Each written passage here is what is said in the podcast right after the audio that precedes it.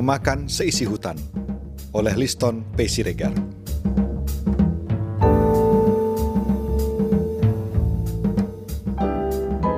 Terbaring terpaksa di tempat tidur rumah sakit, jelas tak nyaman. Begitulah penderitaanku.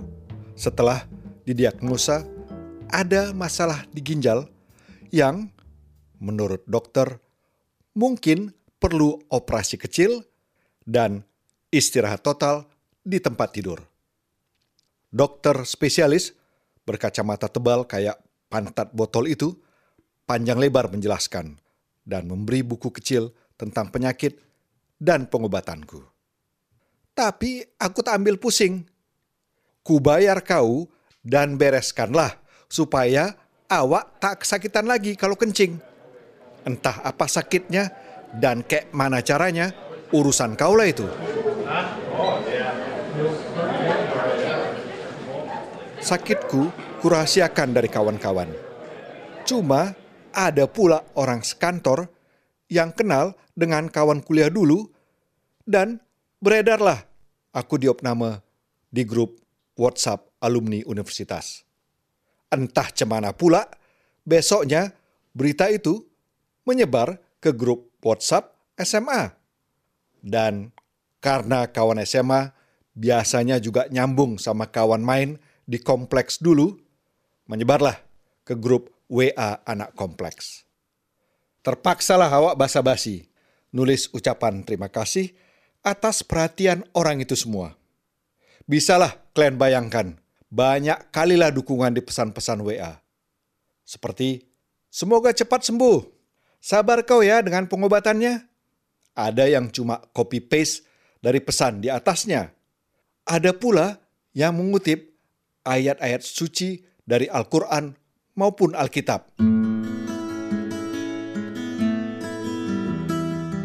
Yang satu menulis peribahasa, yang lainnya sempat-sempatnya menulis puisi.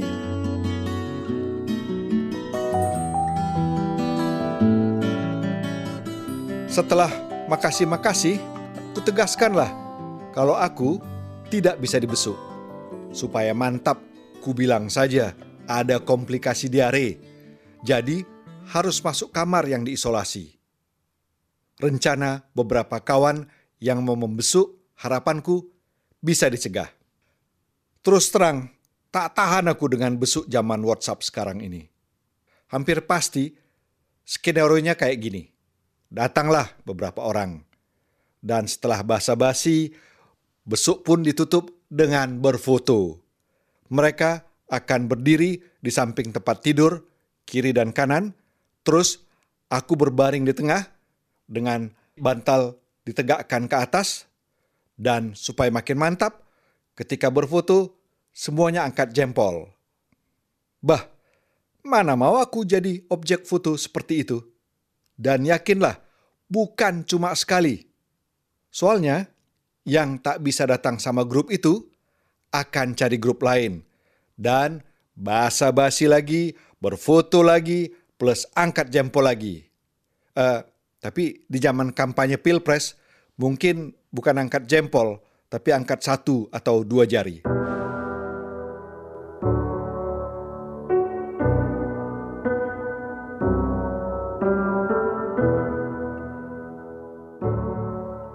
Jadi, biarpun sudah kubilang aku di kamar isolasi, masih kuminta suster kepala, tak boleh ada yang besuk kecuali ketiga anakku dan istriku yang sudah mereka kenal.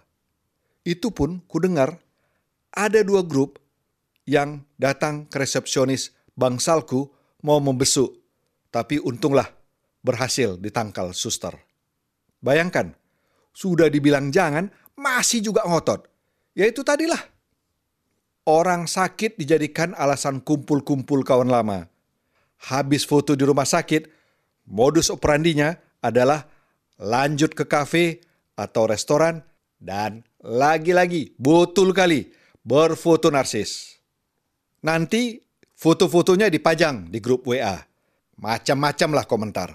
Yang bukan tentang si sakit. Eh, si Johnson makin gemuk ya sekarang? Atau si Tiur ikut eh? Jarang-jarang itu. makannya di mana kalian? Kok nampaknya enak kali? Atau, ah, lebih mantap gabung sama yang besok akan lanjut ke karaoke. Aku tak mau jadi objek selfie dan reuni. Itu satu soal.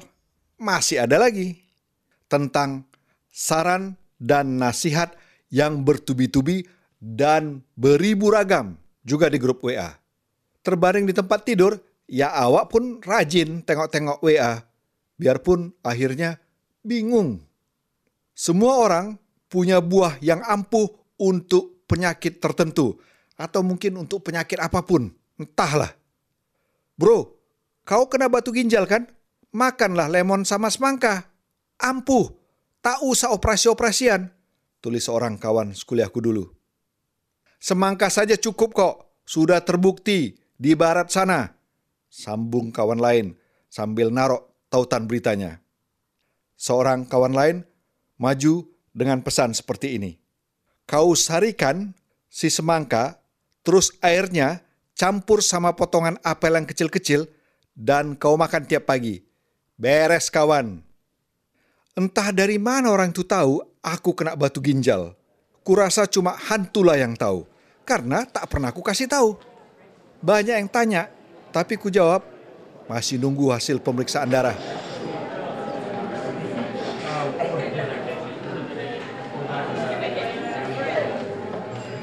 Tapi yang aku bingung sebenarnya, kok bisa lah orang itu ya tahu kesaktian buah-buah itu dan yakin ampuh. Seorang kawan menulis seperti ini. Entah apa pun persisnya masalah ginjal kau itu, tapi makanlah tiga apel per hari. Ada kandungan resveratrol, ah, apa pula tulisnya nih? Resveratrol, tunggu.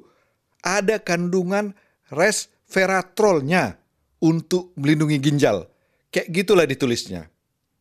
Kawan lain menimpali, sejatinya terapi air putih. Pagi bangun tidur, kau minum satu liter air putih, siang habis makan satu liter lagi, dan malam sebelum tidur juga kau minum air putih. Dijamin ampuh. Pusing kepala awak dibuat saran-saran itu. Jadi ku baca-baca saja dan sedikit kesal. Orang-orang ini kok sok tahu semua ya.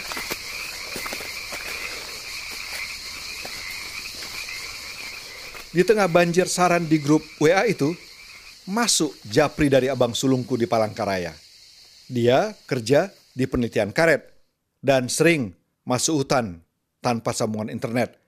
Jadi, begitu masuk kota lagi, baru dia tahu aku diopname. Dia marah. Bodoh kali kau. Mestinya pakai bantuan tanaman organik. Ngapain perutmu sampai dibelah-belah operasi? Cuma urusan batu ginjal, tulisnya. Ini sama dan sebangun dengan puluhan pesan-pesan WA yang memfonis sakitku dan memastikan obatnya. Ku jawab, ya ku jalani sajalah pengobatan modern ini. Tapi dia membabi buta. Kau habis-habiskan uang untuk orang yang sama bodohnya sama kau. Buah naga itu bisa menghancurkan batu ginjal.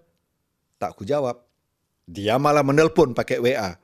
Dikuliahinya lah aku dengan fungsi tanaman organik dan aku ya ya ya. Kukirim nanti cara merasnya dan kalau sudah sempat operasi bisa juga membersihkan sisa-sisa bekas operasi yang masih tertinggal. Tegasnya sebelum menutup telepon. Tak lama muncullah pesan WA berisi resep hebat-hebatnya itu. Dan ku jawab aja pendek, makasih. Cuma dia ngecek hampir tiap hari. Sudah kau minum? Awalnya aku punya berbagai alasan. Seperti misalnya tak sempat beli dan dibalasnya. Kau suruhlah kawanmu beli. Pastilah mereka mau. Begitulah. Cek, cek terus. Kok bandel kali kau ini? Aku ini orang pertanian dan biokimia itu makanan sehari-hari kami. Pesan lainnya, jangan terlalu lama kau tunggu Nggak bersih itu operasi potong perutmu. Operasi kan cuma akal-akalan supaya kau bayar sajanya itu. Lama-lama capek juga aku. Jadi ku balas. Kalaulah semua saran makan buah kuikuti, kurasa sekarang ini sudah habislah satu lahan hutan di Kalimantan sana ku makan. Ternyata abangku tersinggung. Bah, kau samakan aku yang ngerti biokimia dengan orang-orang yang asal cakap. Ya matilah kau di situ, tulis pesan WA-nya. Sampai tiga bulan kemudian, kami tak berkomunikasi. Dia nampaknya masih marah besar. Ginjalku sendiri sudah beres, nggak ada masalah lagi kalau aku kencing. Tapi masih perlulah periksa sekali sebulan. Di bagian bawah perutku juga ada garisan bekas pisau bedah. Sekarang aku berbaring lagi di tempat tidur rumah sakit. Juga terpaksa. Kali ini, menurut dokter spesialis tengah baya, debaran jantungku tidak stabil menyebarlah kembali berita-berita sakitku, dan muncullah lagi segala macam saran. Lagi-lagi kubaca, tapi tak kuanggap. Cuma pesan WA dari abang sulungku kutunggu-tunggu, penasaran apakah dia akan kirim saran biokimia baru, atau dia masih marah, dan memang gak muncul. Ada instruksi baruku ke suster kepala, selain larangan besuk apel, semangka, dan buah naga jangan masuk dalam menu buahku. Ketika ditanya alasannya, sulit menjelaskannya. Jadi ku bilang saja tak suka. Tapi jelas debaran jantungku masih meningkat kalau melihat apel, semangka, dan buah naga.